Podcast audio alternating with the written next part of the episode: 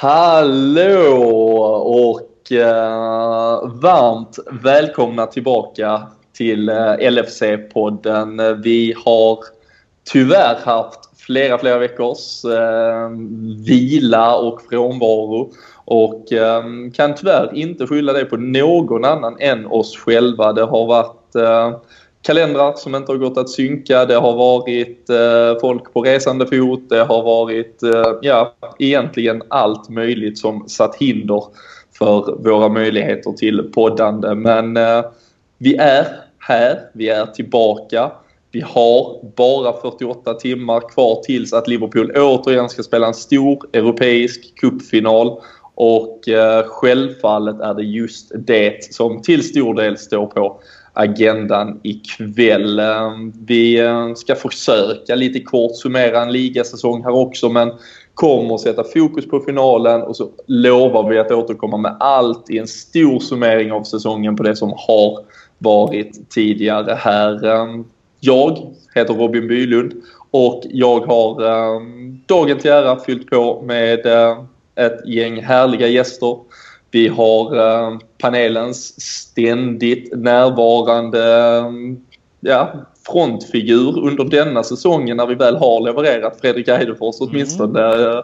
Och eh, ja, som sagt, vi har haft svårt att få ihop program senaste tiden men när det väl var dags då, då stod du och jag starka åtminstone. Ja, vi är, ja, ja det, vi är sådana här 38 matchers spelare helt enkelt. Vi är med hela tiden. Ja, men när matcherna inte ens blir av då är det svårt för oss det svårt. Att, att leverera. Viktor Fagerström är fast på sitt jobb. Jag har dock dubbelkollat så att han är ledig på onsdag. Jag börjar bli lite orolig att han hade kvällsvecka när det var final eh, och eh, Robin Fredriksson är på Stockholmsderby eller kanske till och med på väg hem. Jag har i och för sig inte noterat om det har blivit avbrutet för några bengaler eller något annat som det brukar men eh, ja, vi får se. Ja, vi får se hur, hur han mår efter det. Men istället så har vi fyllt på med två uh, tidigare inhoppare. Vi uh, har uh, hört dem både under säsong men även tidigare och ni ser dem annars på LFC.nu där de agerar uh, skjutjärnsjournalister dagligen. Karl Sundqvist, allt bra med dig? Allt är bra. Alltid bra. Och eh, Daniel Forsell, jag vet inte, har du varit med denna säsongen? Eller ska vi snurra tillbaka till förra för att ha hittat dig i podden senast? Mm, vi får nog gå tillbaka till förra, tror jag. Eh, det skulle vara ett tidigt inhopp i början under Rodgers-eran. Eh, men inte under Klopp, skulle jag säga. Så mycket vågar jag dra gränsen. Du, du, gör din första match under Jörgen Klopp helt enkelt ja. idag? Ja, ja precis. Det känns bra. Det känns, det känns, vi, vi får hoppas att du, att du utvecklas nu med ny tränare och allting här. Så, ja, men det känns så. Så får du mer, mer förtroende nästa säsong helt enkelt. Vi, uh, ja, Daniel och Carl, vi var ju uh, tillsammans bland annat på plats och så Villarreal-matchen. 3-0-segern, det som tog oss till den final som nu hägrar. Vi kan väl börja där någonstans. Var, vad tyckte ni? Vilka intryck samlade ni på er av vad känner ni in? Alltså det var ändå en vändning som skulle till. Ehm, man hade pratat om den magiska Dortmund-matchen. Ehm, ja, vad var er liksom, känsla kring Liverpool? Om vi kont ja, detta Liverpool vi såg där mot Villarreal kontra det som ja, leddes av Brendan Rodgers för en tid sedan och det som har haft så svårt att just nå de här yttersta framgångarna de senaste åren. Det kändes väl som eh, det var ett Liverpool med vinst i siktet med lite vinnarinstinkt som, man, som jag tyckte att vi saknade under Rodgers som vi har fått in nu igen under Klopp. Speciellt i Europa League. Så att det, och hela Anfield-stämningen kändes ju som att vi skulle, vi skulle bara till final. Så enkelt var det. Det går ju inte alltid ut genom, genom TV. Um, ehm, vi, det, det, har pratats om liksom ett, ett försvagat Anfield um, liksom stundtals här men Daniel, har du, har du upplevt ett bättre Anfield än det vi upplevde där torsdags kväll för en, en och en halv vecka sedan? Nej, det är väl eh, bara ett ord som kan sammanfatta egentligen och det är ju magiskt alltså. Det var... Eh, aldrig varit med om något liknande. Och då har vi ändå eh, gemensamt sett ett par bra matcher genom dagarna och åren. Men eh, fantastiskt bra tryck och precis som Karl var inne på, det, alla drog ju verkligen åt samma håll och man kände innan matchen eh, när vi var nere och mötte upp bussen och hela, hela den biten att alla skulle lyfta oss till final på något sätt.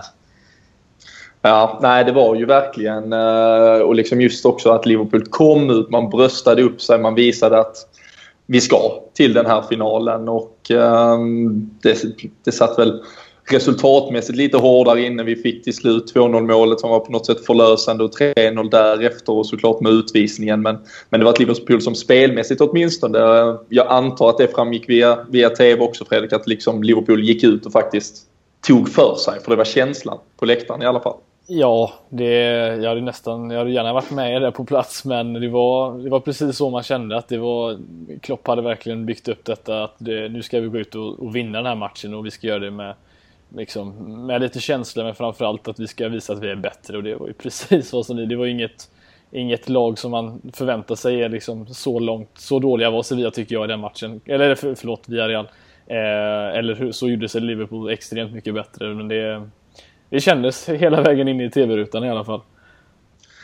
Vad tror ni det är som kan just alltså, mentalt, ja, man pratar ju om liksom den här ja, vinnarmentaliteten, eh, auran kring Jörgen Klopp. Eh, jag och väldigt många med mig kritiserade ofta Brendan Rodgers för att till exempel sakna den där om vi ska säga liksom, just i eh, exempelvis Europaspel, även i kuppspel så hade han ju svårt att liksom få ut det där kombinationen av det taktiska och det liksom uppumpade bröstet. Var, var i fotbollens alla psykologiska lagar ligger just den biten? Hur, och hur kan Liverpool plötsligt vara bättre på det när det gäller? Liksom? Jag tror att jag personligen tycker att han är fruktansvärt bra på att motivera alla spelare och få alla att dra åt samma håll. Han får ju med sig publiken under matchen när han står och gestikulerar och när Lovren gör en glidtackling och Anfield kokar över. Jag tror det är en väldigt bidragande orsak till att det den här fighting spiriten som kommer in nu. Att han får alla att dra åt samma håll. Och just att han har fått spelarna så snabbt ändå. Vi, vi ska bara tillbaka 7-8 månader här sedan han ens klev in i klubben. Att, att de är med på detta och köper det Fredrik. Det, alla verkar verkligen förstå att när man väl ska växla upp, när det gäller någonting helt plötsligt. Ja, men jag tror ändå, jag tror de ser ändå lite i, framförallt de som är där liksom frekvent och, och följer Liverpool på Anfield, att de ser sig själva lite i Klopp. Alltså den där, som, som du sa där precis Carl, att eh, Milner eller Lovren, i detta fallet tänker jag på Milner, det finns ju ett klipp som gick runt där på Youtube där Eh, när Milner gör den där tacklingen mot eh, Villarreal, liksom, vi leder med 3-0 tror jag, det är liksom i slutet av matchen och han liksom pumpar upp publiken. Och jag tror alla känner igen sig lite. Det, de, de liksom, han skulle lika gärna kunna stå i mitten av det kopp liksom. Och de, de, känner igen det. Och jag tror att du, du vinner ganska mycket på att vara som en del av publiken. Och det är... Ja, nej jag tror de, de älskar nog att se det liksom vecka ut och vecka in hela tiden. Så att... Eh, ja, Ja, vi har ju egentligen inte haft något liknande under vår livstid skulle jag säga. Nej, alltså, vi har inte sett någon liknande manager som bara pumpar upp publiken, pumpar upp spelarna. Det måste ju ge ett otroligt, eh, en otrolig tillfredsställelse för spelarna på planen att känna att, att han verkligen vill få hela Anfield och, och trycka fram dem också. Och det som är så fantastiskt, det jag tycker, alltså, nu nämnde du det där Milner-klippet som verkligen, det är ju en glidtackling i 92 minuten. Eh, matchen är avgjord, liksom, den är på mittplan. Men liksom när han dels pumpar upp publiken och sen liksom verkligen pekar ut mot Milner och sen mot publiken igen och liksom Förstår ni hur viktigt sånt här är? Liksom, han vill verkligen bara alltså, präga ner i huvudet på oss alla uh, hur, ja, vilka insatser vissa av de här spelarna står för på planen. Och, man kan ju bara tänka sig hur en sån som liksom, alltså James Milner är ju beredd att, alltså han är ju beredd att dö på onsdag för, för Klopp antagligen. Precis som många spelare därtill ehm, efter att de har fått den här boosten. Och ehm, vi pratade lite om det också, spelare som till exempel Alberto Moreno och flera andra som stundtals också har fått ta tuff kritik men när det väl, när det väl går vägen liksom, så blir det ändå den här lättnaden att ja, Klopp hade ju rätt han har alltså, prickat rätt i vilka punkter han har tryckt på. Och eh, nej, där, eh, där är något eh, smått fantastiskt över det. Jag, eh, jag satt också fick upp eh, i mitt Facebookflöde att jag hade skrivit en krönika för exakt ett år sedan nu här. Det var inför Gerards sista match, det, årsdag, idag sedan dess och där man liksom ifrågasatte lite om vi, om vi någonsin kommer få något något hjärta i klubben, alltså det här hjärtat om en individ någonsin kommer kunna fylla den kostymen och eh, vi ska ju inte dra några skenande liknelser redan men, eh, men Jörgen Klopp känns ju som den naturliga ändå punkten för fans och för ja, förening att egentligen samla sig kring. För eh, jag vet inte om man kan hitta en spelare som kan egentligen fylla den, den roll han har redan nu eller eh, är det jag som skenar i min i, i mitt engagemang kring eller just hur imponerad jag är över hur han har format klubben så snabbt. Nej, jag tycker jag du har en poäng i det. Så. Ja. ja. ja, nej, det, det, blev, det blev mycket där. Men ja. äh, nej, han... Äh, han, han har ju åtminstone lyckats på, på något sätt. Här, eh, andra finalen här, även ligacupen, eh, har vi ju spelat tidigare. Så vi får ju eh, hoppas nu på ett ännu bättre finalutfall här dock. Ligasäsongen, den, den summerades ju i söndags igår här inne när vi spelar in med matchen mot West Bromwich. det hann ju faktiskt bli tre ligamatcher sedan Villarreal-matchen har varit intensivt här Watford blev en seger på hemmaplan. Eh, Chelsea 1-1 och eh, West Bromwich nu också 1-1. Och eh, det blir ju därmed också en, en åttonde plats i ligan bara för Liverpool. Det har ju varit ett försvagat lag i flera matcher de senaste veckorna. Mot Watford exempelvis gick det visserligen vägen men även mot Swansea där vi förlorar. Watford nu här, eller West Bromwich förlorar i söndags där vi då också bara kniper en poäng. Och vad, tyck, vad har ni tyckt kring det här liksom? Alltså all in-spåret som det då ändå har blivit på Europa League. Nu, nu har vi missat en eventuell Europaplats via ligaspelet och förlorar vi på onsdag. Gud förbjude så, så blir det inget Europaspel. Tycker ni att vi har gjort rätt där att ändå satsa så extremt tydligt på ligan eller på, på kuppen Fredrik? Eller eh, lever vi lite farligt? Jag tror att det, den rätta vägen den här gången är nog faktiskt att satsa på det här för att det här är en sån fruktansvärt stor möjlighet att, att liksom kicka igång hans karriär här, alltså Klopp tänker jag nu då. Eh, att få liksom efter första säsongen, efter egentligen det var en halv säsong, komma in och knipa en Champions League-plats liksom. Det hade ju varit helt fantastiskt. Så att det låter ju bättre, sämre när man säger en åttondeplats, för vi ska ju aldrig hamna där egentligen. Men två finaler, final och Europa League. Eh, vi är väl dessutom det lag som under 2016 har tagit näst flest poäng eller något sånt där. Men inte tagit helt fel eh, på hemmaplan i alla fall om det inte var hela helheten. Spelar ingen roll, det har ändå sett mycket bättre ut än vad det gjort tidigare. Eh, så att när man säger det så så låter det mycket bättre. Men jag är glad att vi faktiskt har satsat eh, hårt på kuppen för det, det är vår första och enda, enda väg egentligen in till, till det stora. Så att jag är helt nöjd. Mm.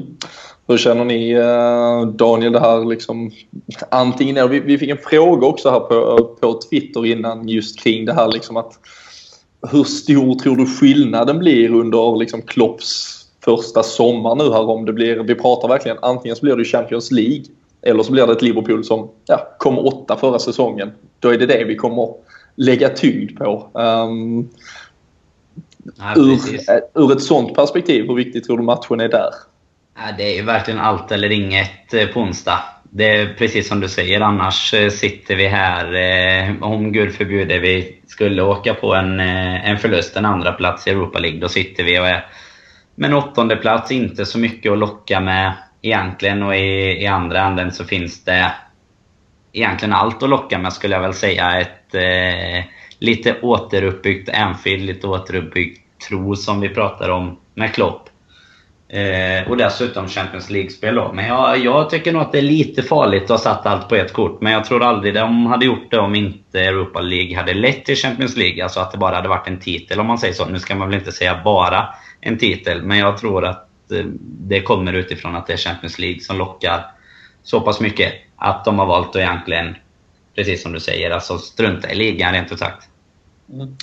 Tror du, eh, om man om man tittar lite på det, tror du de har varit så pass kyliga också? För oavsett vad, det lär ju vara ett klubbbeslut som ändå någonstans ligger. För det har ju varit ett så extremt ändå försvagat Liverpool. Vi har spelat så ofta. Men tror du att klubben var beredda på att det faktiskt skulle bli så dåligt som, som en åttondeplats? Eller tror du att man ändå kanske hade lite övertro till det, de lag vi ställde ut? Och, och samtidigt så har ju då Southampton och West Ham gått så pass bra här på sluttampen. Så tror du att klubben ändå hade velat ha den där, eh, eller liksom backupen i en Europa League-plats? Eller tror du man har varit så kylig att man verkligen har liksom, nej, all in där, gör vad ni vill i ligan?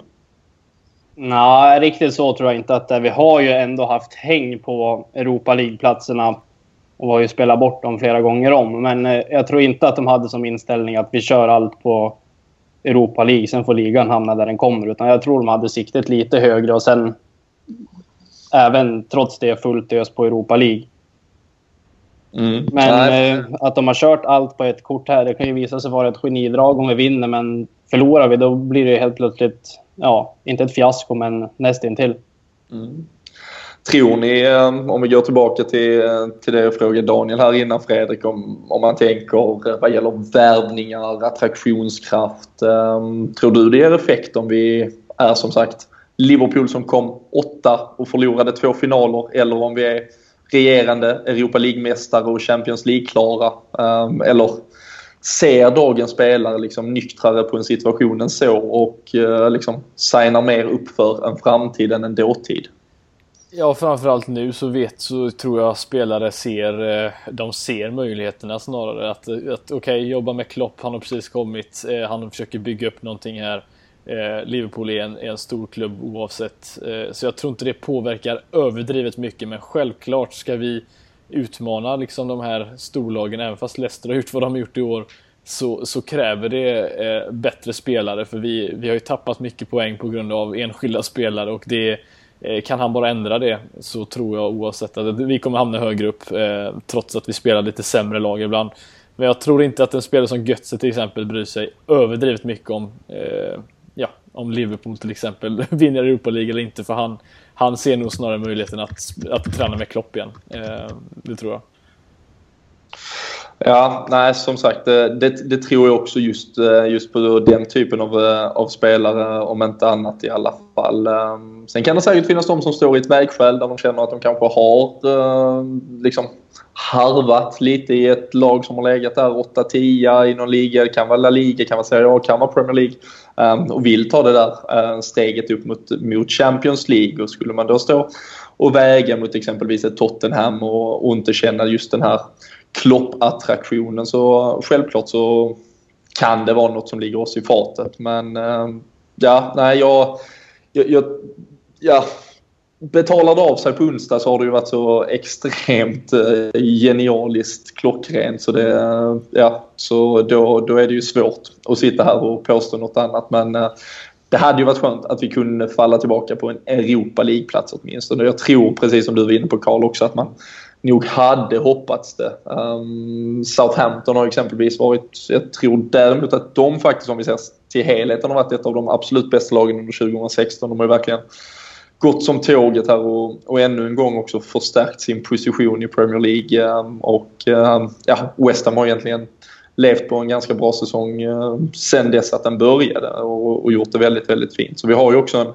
en tuffare och tajtare, mer jämn Premier League. Förhoppningsvis kommer vi även ha det framöver så, ehm, så det kommer ju krävas att man eh, är med från start om vi säger så. Det, det var vi ju tyvärr inte där. Men vi ska, vi ska lämna ligaspelet lite. Vi ska summera det mer. Vi lovar ju att återkomma med fler poddar nu framöver. Eh, vi sa säkert det senast också men eh, ta oss på våra ord nu.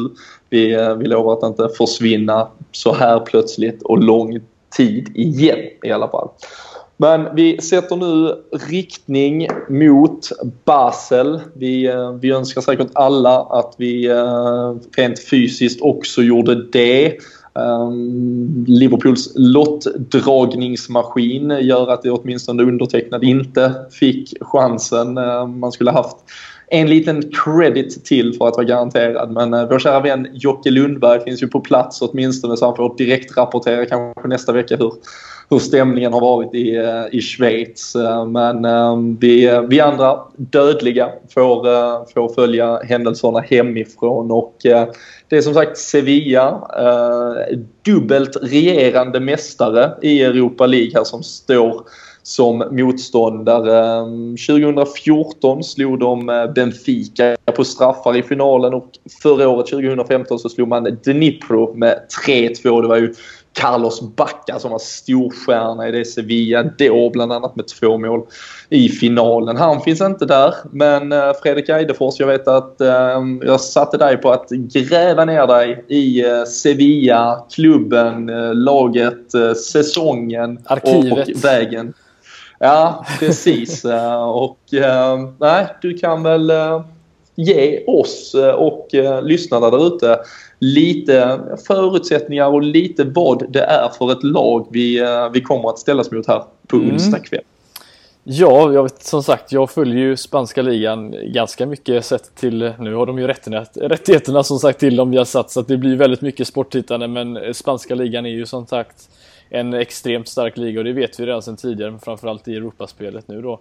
Eh, det laget vi kommer möta är ett väldigt underligt lag. Om vi tycker att Liverpool är, är konstiga ibland så är det här nog nästan ännu underligare. För de kommer alltså från en säsong Eh, hamnar väl på något liknande, tror jag det är sjunde eller åttonde, sjunde plats tror jag de hamnar på. Eh, Topp 6 kom de precis utanför där, men det är alltså ett lag som har gått utan att vinna en enda bortamatch i hela La Liga. Det är helt sjukt när man säger det, men det är faktiskt sant. Det är ett lag som alltså lyckats krångla sig vidare till en final i Europa, men det är vad vi står upp emot. Eh, så det är senast exakt 358 dagar sedan de vann en bortamatch. Så det väl, talar väl lite för Liverpool kan man väl tycka, men eh, de, som du sa, där, de två senaste säsongerna har de ju faktiskt vunnit, så att eh, det tar väl bort det lite kan man väl säga.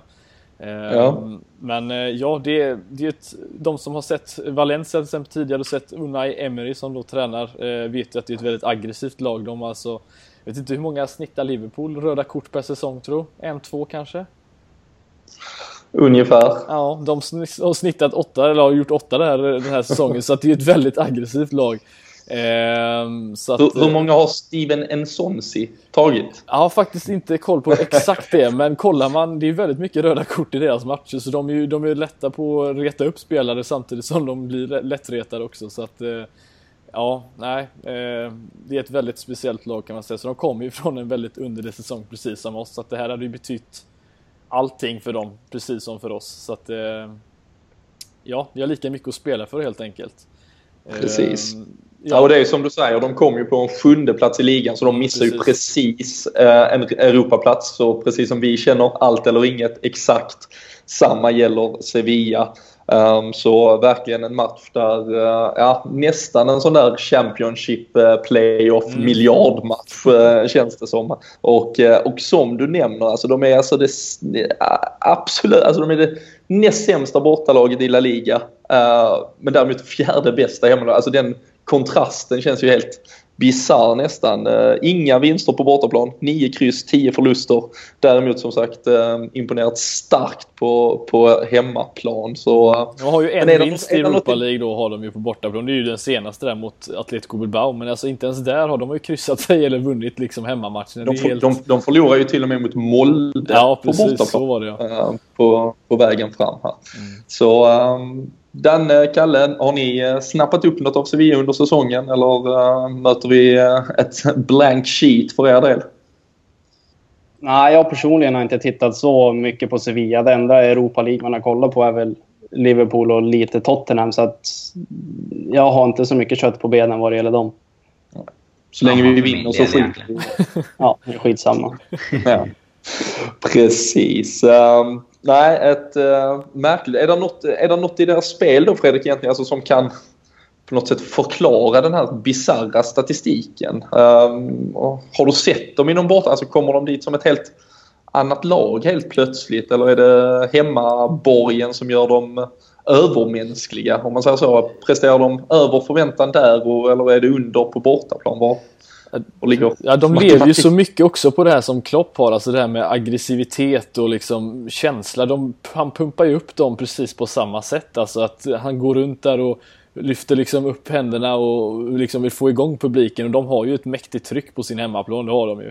Men alltså det är ju inget lag som är liksom organiserat som ett Simeone direkt utan de släpper ju till väldigt mycket chanser Samtidigt som de gör väldigt mycket, eller skapar väldigt mycket. Så det är ju liksom ett Liverpool 13-14-lag. Alltså de släpper in mycket men gör mycket mål.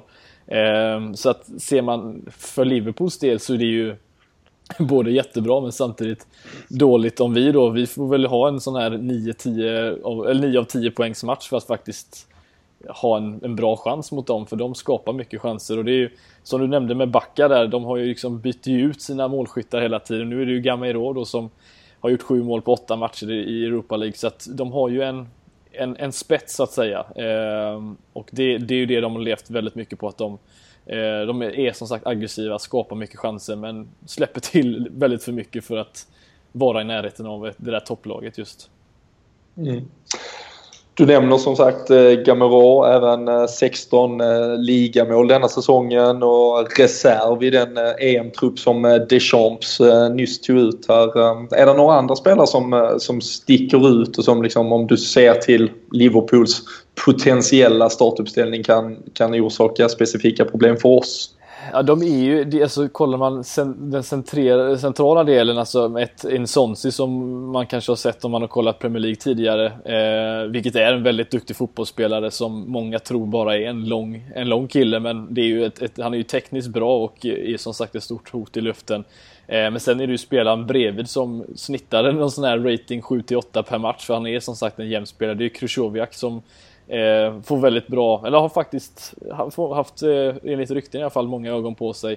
Och så har de ju en Ever Banega som vi har pratat om, tror i Sillypodd någon gång tidigare också. Eh, som, eh, som framför då. Så att det är ett väldigt centralt, duktigt lag. Eh, som också gör mycket inlägg, men framförallt centralt så är de absolut starkast. Så att vi får ju ha en bra match även där. Eh, stå upp fysiskt och då, då blir det väl en Emre Can och Milner som får ta ett stort, eh, stort ansvar där antar jag. Mm. Var det inte, jag måste bara stanna, var det inte Evo Banega som åkte på en bizarr skada någon, ursäkta, någon säsong när han typ skulle tanka bilen och så råkade den köra över hans fot? Jo, det var något sånt där ja. ja, ja bara, bara det gör ju nästan matchen extra ja, precis. spännande. han, är ju, han verkar ju vara klar nu för Inter dessutom så att han, eh, han har ju redan huvudet någon annanstans. Så att, Det, ja, men det är som sagt det är, ett, det är ett duktigt tekniskt lag men för våran del, eh, om man ska se det så sett, så, så släpper de till mycket. Det är inget organiserat försvarsspel överhuvudtaget. Eh, så att det, det tror jag vi kan förhoppningsvis ta, ta, ja, ta, ta med mm. helt enkelt. Ja, absolut. Ehm, vi kan ju titta lite på deras väg till finalen så skvallrar ju deras ehm, semifinalspel här också lite om det mot Shakhtar. Dubbelmötet slutade 5-3 så det är ju mål framåt men absolut mål bakåt också här. Ehm, mot eh, Athletic Bilbao så blev det ett straffavgörande efter eh, två tajta matcher där mot La Liga-konkurrenten och innan dess eh, hade man slått just Basel där finalen nu går av stapeln så man har ljuva minnen av att spela i Schweiz åtminstone. Eh, Liverpool var ju också i just Basel och spelade Champions League förra säsongen med, med mindre lycka. Och eh, dessförinnan så hade de även slått Molde eh, i eh, slutspelet här av Europa League. Känns som att, eh, att, att, deras väg var lite enklare än Liverpool. Eh, vi har ju haft Augsburg, Manchester United, Dortmund och Villarreal här vägen fram till finalen.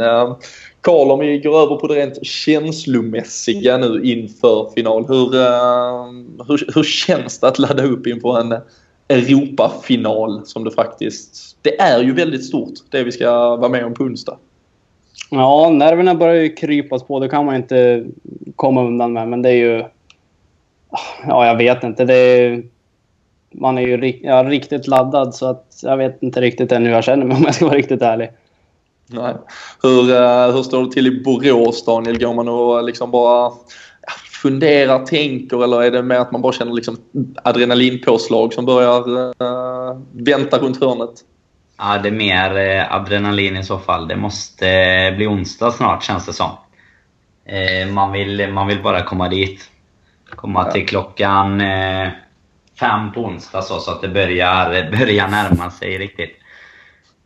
Hur, uh, är det någon av er som har planerat för är ni liksom, eh, Krävs det liksom full fokus framför, i sin ensamhet framför uh, TVn eller uh, ska ni stråla samman med, med folk eller ut och slira eller hur, hur avnjuter Fredrik en, en stor Europafinal till exempel? Eh, på bästa möjliga sätt, med, hoppas ni känner min ironi här också. Eh, sluta jobbet klockan åtta, bussen går halv, hemma 29. Eh, och så är det bara att, att tanka upp i 20 minuter, sen kör vi. Ja, ja det låter bra. Eh, Daniel, ser det ut, eh, blir det någon samling i Borås eller eh, blir det på hemmaplan? Det kommer att vara lite folk i Borås. Tyvärr ingen stor organiserad träff som vi brukar försöka styra upp. Lite för lite intresse den här gången tyvärr. Så det är valet att åka ner till Göteborg och det blir det nog inte på onsdag. Utan det kommer nog bli hemmets eh, lugna vrå tänkte jag säga, men det är inte säkert det blir så lugnt. Fin, finns risk för eh, förändring där efter, eh, efter att Milner skruvar in 1-0 i 120 kanske. Um, mm. och, och, i Söderhamn, Karl, där måste ju hela Liverpool-klanen gå man ur hus kan jag tänka mig. Ja, det kommer koka. Nej, fan. Nej, det blir hemma i soffan. Jag drar nog hem en eh, god Liverpool-vän som vi brukar se matcherna tillsammans med. Så det blir nog hemma i soffan och bita på naglarna. Ja, härligt. lite. Och Malmö då? Ja, absolut. Uh, I Malmö så, uh, så blir det Sir Tobis. Uh, ett av, ja, stamhak vore väl fel men när det väl bankas någon mer spontan träff så, så brukar det vara där det, det, det blir. Så ser nog ut att vara en 50, 60, 70 pers i alla fall som, som strålar samman. Så det kan kanske bli en öl eller två. och skulle nu någon eventuell malmöit eller skåning eh, höra detta också. Så eh, som sagt, fritt fram. Invadera Sir Tobis på Davidshall i Malmö så eh, är det där folket finns. Eh, I Göteborg, Daniel, så är det väl The Queen som eh, i vanlig ordning också arrangerar ganska stor träff kan jag tänka mig. Stämmer bra. Det kan jag tänka mig att man gärna ska ta kontakt med, med dem via LFC.nu. Kolla lite vad ehm, vad det är som gäller. För det finns stor risk att det blir fullt. Det är de finalträffarna och övriga träffar i och för sig också som jag har varit på där. Eh, säljer slut så att säga ganska så fort. Det är populärt. Ja, Göteborg levererar. Precis, det brukar vara så i. Mm. Eh, san, sannoliken. Därför eh, finns ett par killar som kan dricka en och annan bärs i det gänget också. Om jag Hoppas de lyssnar nu, för de, man vill nästan ge en shout-out till dem, för de är goa gubbar där, verkligen. Ja, det är det verkligen. Det är ett bra gäng på det Queen. Ja, Men sen tycker jag inte heller, vi får inte glömma att slå ett litet slag när vi ändå är inne här, när jag, jag nämnde LFC.nu. Gå in där och titta, för det träffar eh, på ett 10-15-tal ställen skulle jag säga runt om i, i vårt avlånga land. Eh, Stockholm bland annat och ja, de lite större städerna. Så gå in och kika där och, om du inte redan har planerat någonting. Precis. Till och med eh, stora metropoler som eh, Borlänge, Falun, Sundsvall eh, med flera. Så ja, precis som Daniel säger, på lfc.nu så kan ni kika er fram till att hitta andra likasinnade att stråla samman med på onsdag. Men eh, ja, det är en match som ska spelas också eh, mina kära herrar. Eh, Fredrik har gett oss lite kött på benen kring det här Sevilla som vi nu ställs inför. Vad, hur tänker ni kring, kring ett Liverpool-lag som nu ska ta form med eh, en Divock Origi som har rest med truppen, som sägs vara redo. En Jordan Henderson som kom in, fick en halvtimme mot West Bromwich. Han är Liverpools lagkapten. Um, där är en del huvudbry för, eh, för Jörgen Klopp. Um, har du börjat spåna något, eh, Kalle? Har du börjat sitta hemma och och antecknar vad, vad, som skulle kunna vara en potentiell startelva i eh, Liverpools eh, ja, nu första stora europeiska final på, eh, på nästan tio år. Ja, jag är lite inne på att vi ska köra samma lag som, som startade mot Villarreal. Dels för att jag tror att vi behöver både Emre och Milner på mittfältet. Sen tycker jag inte man ska röra så mycket framåt med Lalana, Coutinho och Firmino. Och sen tycker jag att Starwich ska starta. Man vet ju inte riktigt hur fit Origa är. Men han är ju helt klart en inhoppare när det börjar dra ihop sig. Mm. Hur tror du kring det Fredrik? Det har ju varit mycket om vi tittar tillbaka under Europa League-säsongen här så har det ju varit eh, frågasättandet då kring kanske Daniel, Daniel Sturridge och hans arbetskapacitet. Är, är det något man liksom bör väga in som ett behov i en sån här match eller tror du snarare att eh, det hot han kan liksom främja genom att vara på planen är av vinning för Liverpool? Här? Ja, det beror på hur man liksom går in i, in i den här matchen. Alltså Liverpool, det laget vi har är ju inget finallag. De, de har ju ingen erfarenhet eh, av detta. Klopp har det. Eh, Sevilla, visst nu är det inte jättemånga spelare som liksom brukar starta de här matcherna i Europa League som var med i de här finalerna som har varit. Så att, men, men tränaren vet ju exakt vad det, vad det står för. Så att ska vi gå ut med den attityden att vi ska utnyttja våran styrka som är deras svaghet och som även tvärtom då. Då är ju Sturridge perfekt då på plan för att eh, det är ju som jag sa, det är ju inget Atletico Madrid vi ska stå emot på det sättet att de är organiserade. Så att eh, beror väl på lite hur, vi, hur Klopp tänker där med ja, attityden till matchen. Mm. Hur, eh, vad hoppas du på Daniel? Mycket mer än så kan vi, kan vi ju kanske inte styra över men, eh, men tror du att våra chanser är, är störst genom att gå in och verkligen ösa lite Villarreal-stuket, brösta upp, ösa på eller ska vi försöka ligga och lura i vassen och, och vänta på att det ska bli någon match av det eller eh, vad tror du passar oss bäst? Mm, efter VRL så känner man ju bara ös på. ös, ös, ös, full fart framåt. Men samtidigt, vi har eh, gjort bra matcher. Dortmund borta till exempel, där vi ligger och avvaktar lite, väntar. Men jag, jag tror väl egentligen lite mer på, som Karl är inne på, samma startelva i stort sett. Och lite samma mentalitet med att visa att vi är där för att vinna egentligen. Eh, det är då jag tror vi har bäst chans. Särskilt, nu har jag inte scoutat dem så bra, men som Eidefors med inne på då att de är ett sånt lag som kanske inte är helt organiserat alltid. Och då, då tror jag också att en sån som Starwich kan vara riktigt farlig. Och våran trio bakom har vi ju sett eh, göra fina saker här. Så Coutinho, Firmino och Lalana framåt med, mm. tror jag. Då sitter det där på onsdag. Ja. Hur känner ni kring eh, backlinjen? Eh, nu har det ju varit ett, det har varit ett långt podduppehåll under hela uppblåsningen av den eh, dopingskandal som tyvärr omgärdar Mamadou Sakho.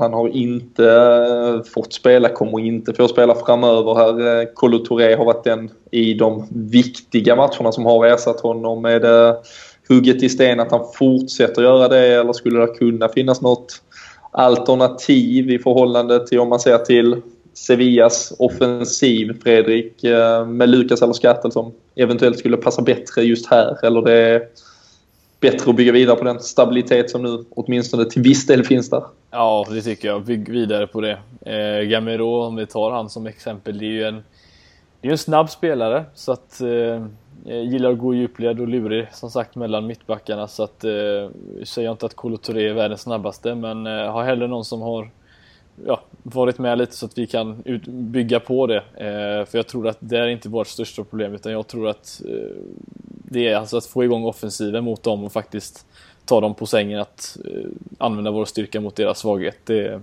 det är nog där det ligger skulle jag säga men hellre, ja, skulle nog se Kolo Touré. Mm. Några andra ändringar som du hade eh, förordat? Eh, Jordan Henderson, eh, anfallsalternativen som finns eller är du inne på samma linje som övriga här att det laget vi hade mot Villarreal bör vara vårt starkaste hot? Eh, ja, det tycker jag. Eh, de, alltså just den Villarreal-matchen, visst nu var det väl ett liknande lag, om inte exakt samma som ställdes mot Chelsea som jag tycker gjorde en väldigt svag match, även fast Chelsea gjorde det bra så sett. Men eh, utnyttja det laget som, som gjorde det senast, det, det skulle jag säga. Mm. Lite uh, intressant medan vi, medan vi satt och snackade upp det. Jag drog upp uh, Sevillas laguppställning för finalen uh, eh, förra året mot uh, Dnipro och det lag som spelade senaste Europa League-matchen här då, returmötet mot Shakhtar Ehm, endast tre spelare faktiskt eh, som eh, startade både den finalen där för ett drygt år sedan och eh, som startar nu senast. Ehm, så det är också ett, ett väldigt nytt Sevilla på så sätt. om än att de har kunnat anamma vinnarmentaliteten framåt och den liksom aura som kanske omgärdar dem och turneringen. Men eh, sett till eh, att det skulle vara liksom ett troféfullt lag i, i övrigt så är det ju ett ganska vad ska vi säga, ett ganska färskt gäng ändå. Vi har en Banega, vi har en Tremolina som, som har varit med bland annat och, och lyft laget. Krychowiak som du nämnde gjorde bland annat mål i finalen förra året också och eh, fortsatt en, en viktig spelare för, eh, för Sevilla här. Eh, I Liverpool så har vi däremot en Alberto Moreno som har vunnit just Europa League mot Sevilla. Hur tror du det är speciellt för honom här Karl att gå in mot sitt gamla gäng?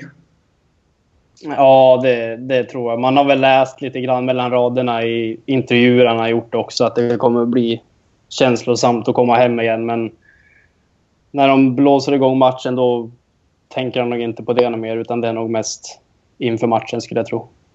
Mm.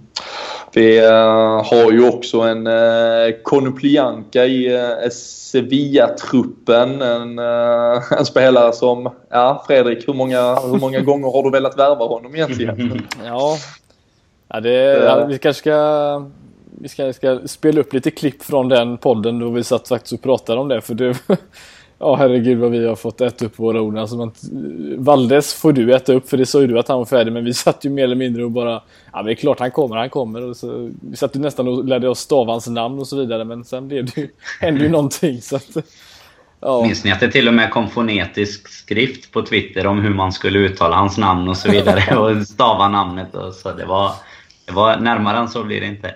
Där är nog Liverpool-fans värst på Twitter tror jag av alla. ja.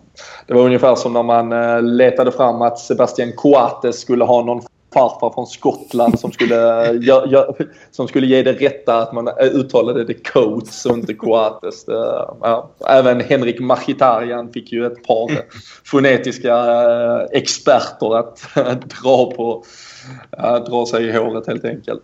Men äh, nej, det är ett, eh, såklart ett, äh, ett extremt stort möte, en extremt stor match. Vi har som sagt Champions League-finalerna från, eh, från 05 och 07. Annars ska vi ju tillbaka, om vi tittar Europa League, Uefa Cup, så ska vi tillbaka till 2001. Exakt faktiskt 15 år sedan idag som vi slog i Alaves på Westfallen i stadion i eh, Dortmund. Eh, hur viktigt skulle det vara för klubb. Om vi nu, vi har pratat lite det här liksom Champions League kontra åttonde plats kontra liksom eventuella transfers. Men hur viktigt skulle det vara för klubben Liverpool att återigen liksom sätta sitt namn överst och liksom verkligen fylla på med en trofé som, som faktiskt har en dignitet. Och det, det kan inte längre tvistas kring den här Europa League för det har varit lag som har spelat med väldigt starka uppställningar med Champions League-platsen alltså Champions League i potten. Um, vad skulle det betyda för Liverpool, Daniel, tror du, att liksom, lyfta den här pokalen? Det är ju hela vinnarmentaliteten inför kommande säsonger. Och när man ser lite, alltså för Klopp som vi var inne på precis i början där, alltså för att sätta hans prägel på den här säsongen eh, när man kikar i efterhand. Att vad, vad hände egentligen när, när Rodgers-eran tog slut och, och Klopp-eran började? Då eh, ska man sammanfatta det här efter så går det inte överdriva värdet av en, eh, en titel framförallt, en Champions League-plats också. Men just som du säger, alltså en turnering med dignitet som kanske, det hade varit stort med ligacup-titel också, men den hade ju inte vägt lika tungt i slutändan givetvis. Eh, det är ju en bit ifrån. Så nej, jag, mm. som jag sa innan, eh, nämnde jag tror allt eller inget känner jag lite. Tyvärr känner jag väl så, om det nu inte skulle gå så bra. Så eh, nej, men det, då tror jag då är vi på gång framåt, verkligen. Och, mm. och fort framåt. Ja. Om vi vänder på den då, nu är du inne på allt eller inget. Eh, Karl, om, eh, om det skulle bli en förlust på onsdag, känns det som att hela Europa League-äventyret ja, smolkas ner här eller uh, ska vi liksom försöka ändå ge, ge hopp för framtiden att, att det ändå är något uh, fantastiskt i den resa som har varit med, matcherna mot United, Dortmund, vändningen mot Villarreal eller uh, rasar mycket av resultatet på onsdag om det inte skulle gå rätt väg? Ja, just då efter matchen då tror jag allt rasar samman. Men får man lite distans till det så kommer man ju minnas tillbaks på det som något jävligt roligt och, och sådär. Så att det, ja, lite, får man lite distans till det så tror jag man kommer kunna glädjas åt det ändå. För att det har ju varit dels slut United i Europa. Det är ju fint. Dortmund-matchen, helt sjukt. Lika Villarreal-vändningen. Så att jag tror man kommer glädjas åt det lite, när man får lite distans till matchen. Men nu ska vi inte... Vi ska inte tänka på det nu, utan bucklan ska upp i luften. Så enkelt är det. Så, uh... de matcherna byggt upp lite, som vi pratade om innan, alltså varumärket för spelare som, som kommer vara på marknaden i sommar. Eh, sådana vändningar, sådana kvällar som det faktiskt blir på Anfield när, eh, när Liverpool spelar i Europa. Eh, det, någonstans kommer ju ändå attraktionskraften tillbaka lite mot hur det var för något år sedan bara ungefär. Ja, nej sannoliken. Ehm, jag tror uh, ja, vi får uh, skicka runt ett litet uh, Best of European Nights till eventuella transfertargets och, och visa vad de kan få bli en del av. Men förhoppningsvis får vi även möjlighet att inkludera Sevilla-matchen och finalen på onsdag. Hur är känslan Fredrik? Ehm, står vi här om ja, 48-49 timmar ungefär så närmar vi oss matchslut. Ehm, får vi se James Milner och Jordan Henderson lyfta pokalen? Eh, jag tror att vi får göra det, ja. Eh, jag är en sån som, jag, jag tror saker händer av en anledning och jag tror att det är banne med dags för oss nu bara och ta någon jävla stor titel liksom och bara visa att okej, okay, nu, nu händer det någonting med Liverpool fotbollsklubb. Så att jag, jag tror av den enkla anledningen att det är våran tur nu. Det, det, det är så enkelt faktiskt. Mm. Karl, mm. du, eh, du, du är ju, vi, vi är ju vi är många men eh, nu, nu får jag ju representera det den, den, gamla, den gamla generationen i, i det här sällskapet åtminstone. Du var, du var bara en liten pojk när, när Liverpool senast spelade final. Nu, nu vet jag att du har ett, liksom ett Liverpool-hjärta som bara blöder eh, kärlek här. Men eh, tror du att du får eh, uppleva den där segern på, på onsdag? Um, ja, jag tror faktiskt det. Jag är lite inne på det här som Fredrik pratar om att någonting händer av en anledning. Inte för att man är en sån djup människa så, men det känns... Nej, det känns bara som att det är våran tur nu. De har ju redan vunnit mm. två gånger. Det räcker väl så, eller? Ja, precis. ja, dels det väger in lite också att de kan fan inte vinna tre gånger på raken utan nu... Vi ska bryta det nu. Mm. Nej, det, ja, alltså, man har ju pratat om eh, liksom, eh, bara liksom det, det helt omöjliga i att vinna Champions League två säsonger på raken. Att, eh, att Sevilla nu skulle gå och vinna Europa League tre gånger på raken. Ja, det skulle ju såklart vara, vara fullständigt sanslöst egentligen. Och ett par oddssättare som, som nog skulle försöka räkna ut det egentligen omöjliga i att de har, har lyckats med den bedriften. Men jag, jag köper ert resonemang till, till 110 procent. Eh, och jag känner också någon form av liksom, eh, ja Carl sa, vi, vi ska inte ge liksom upp för mycket om vi nu förlorar här men eh, uh, det känns också som att där är någon som bara står och skrattar åt en och pissar på en om det skiter sig för Liverpool nu för det är fan i mig vår tur. Um, vi, vi har haft en, återigen en ligasäsong som varit helt åt helvete egentligen i slutändan om vi tittar resultatmässigt.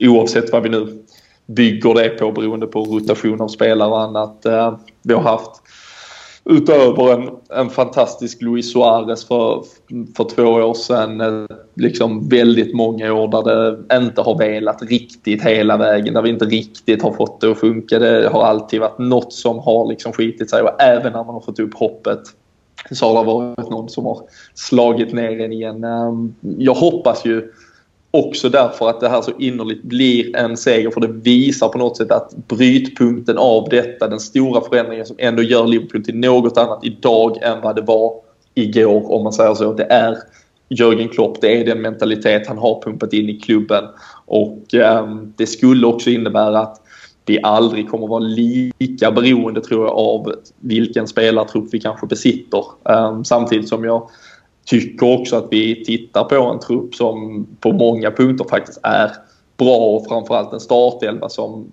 vi nu troligtvis, jag är in på ett spår kring vilka spelare vi ska ha, um, faktiskt är bra. Och uh, man kan ställa väldigt många frågetecken till vårt försvarsspel. Um, men det är ett lag som har både två, tre och fyra mål i sig framåt om det skulle behövas. Och uh, jag hoppas vi går ut, bröstar upp oss och så tror jag fan i mig vi vinner detta. Och eh, jag tror vi gör det 3-1 kanske. Inte på straffar då? Det är väl det, våran väg framåt oftast på finaler. jag tror inte det. Jag, jag, tror vi, eh, jag tror vi kommer gå ut och, äh, inte, och visa. Fem, inte som en jubileum då för 5-4 matchen då helt enkelt. Utan det blir... du tror på 3-1 mer sannolikt än att det skulle bli 0-0 och straffar i alla fall. Ja. Men, äh, jag, jag tror vi kommer visa att vi är bättre än Sevilla. Mm. Helt enkelt. Och jag hoppas det, såklart det, det också. Ehm, Daniel, du får avsluta. Ehm, ska du gå in och grusa våra förhoppningar eller ska vi på något sjukt sätt sitta fyra personer här och tro att Liverpool vinner över Sevilla på onsdag? Tror du avslutar med ett ganska säkert kort här efter att vi var och kikade på semifinalen ihop. Jag är ju ofta ganska optimistisk när det kommer till eh, inför matcherna så här. Jag känner ju 2-1, även om inte det låter så optimistiskt. Men lite som du säger, jag tror också att vi kommer visa att vi är ett bättre fotbollslag. Eh, så att ja, det känns bra helt enkelt. Vi är fyra, fyra säkra grabbar. Precis. Och eh, kanske viktigast av allt det var ju att vi, eh, att vi tog med oss eh, Jocke Lundberg till just Villarreal-matchen. Så till att han bröt en svit där han tidigare hade 15 raka Liverpool-förluster live. Uh, så han... Hur är det möjligt alltså? Ja, men han är ju, alltså han är ju Jinxens son eller någonting. Det är, det är helt fruktansvärt. Men uh, han fick 3-0 mot Villarreal, 2-0 mot Watford. Båda två på plats. Nu finns han på plats i Basel också för onsdagens final. Så uh, vi, har, uh, vi har väl egentligen bestämt att han numera ska ha 15 raka segrar helt enkelt för att kompensera lite för den tidigare fullständigt horribla statistik han, eh, han, han, han har gett oss. Eh, lite hans fel att eh, vi fick fem tunga år. Den där nästan säsongen 2013-2014 så höll han sig ju hemma fram till Chelsea-matchen. Det var då han åkte dit och förstörde vår säsong. Och nej, det, mycket har legat på Jocke helt enkelt. Men nu ska det gå bättre när han har brutit den sviten. Vi, vi avrundar där. Vi eh, stannar där. Vi behöver nog lite tid nu för att samla kraft. Som sagt 48 timmar lite drygt kvar till den här finalen. Och eh, som vi nämnde innan så eh, håll utkik på LFC.nu. Dels för att eh, ja, följa allt uppsnack, eh, alla presskonferenser, alla eventuella nyheter kring eh, startelva, kring skador, kring form på spelare eller vad det nu än kan vara. Och eh, ja, allt ni behöver helt enkelt kommer att finnas där. Och eh, även då bra listor över eventuella supporterträffar över vårt avlånga land. Så får ni chansen att sluta upp med likasinnade helt enkelt. Väldigt kul att vara tillbaka. Karl, Daniel, Fredrik. Härligt att... Eh, fan, det lät som ett kungabarn det där nästan. ja, nej, för fan. Uh, tack så hemskt mycket. Tack så hemskt mycket till alla som har lyssnat. Och uh, som sagt, vi lovar att vara tillbaka så snart vi bara kan igen. Uh, självfallet har vi den här finalen att snacka av oavsett hur det går. men hemskt gärna så sitter vi här om en vecka och pratar om Liverpools triumf i Europa League. Men eh, tills dess, ha det så bra så hörs vi av.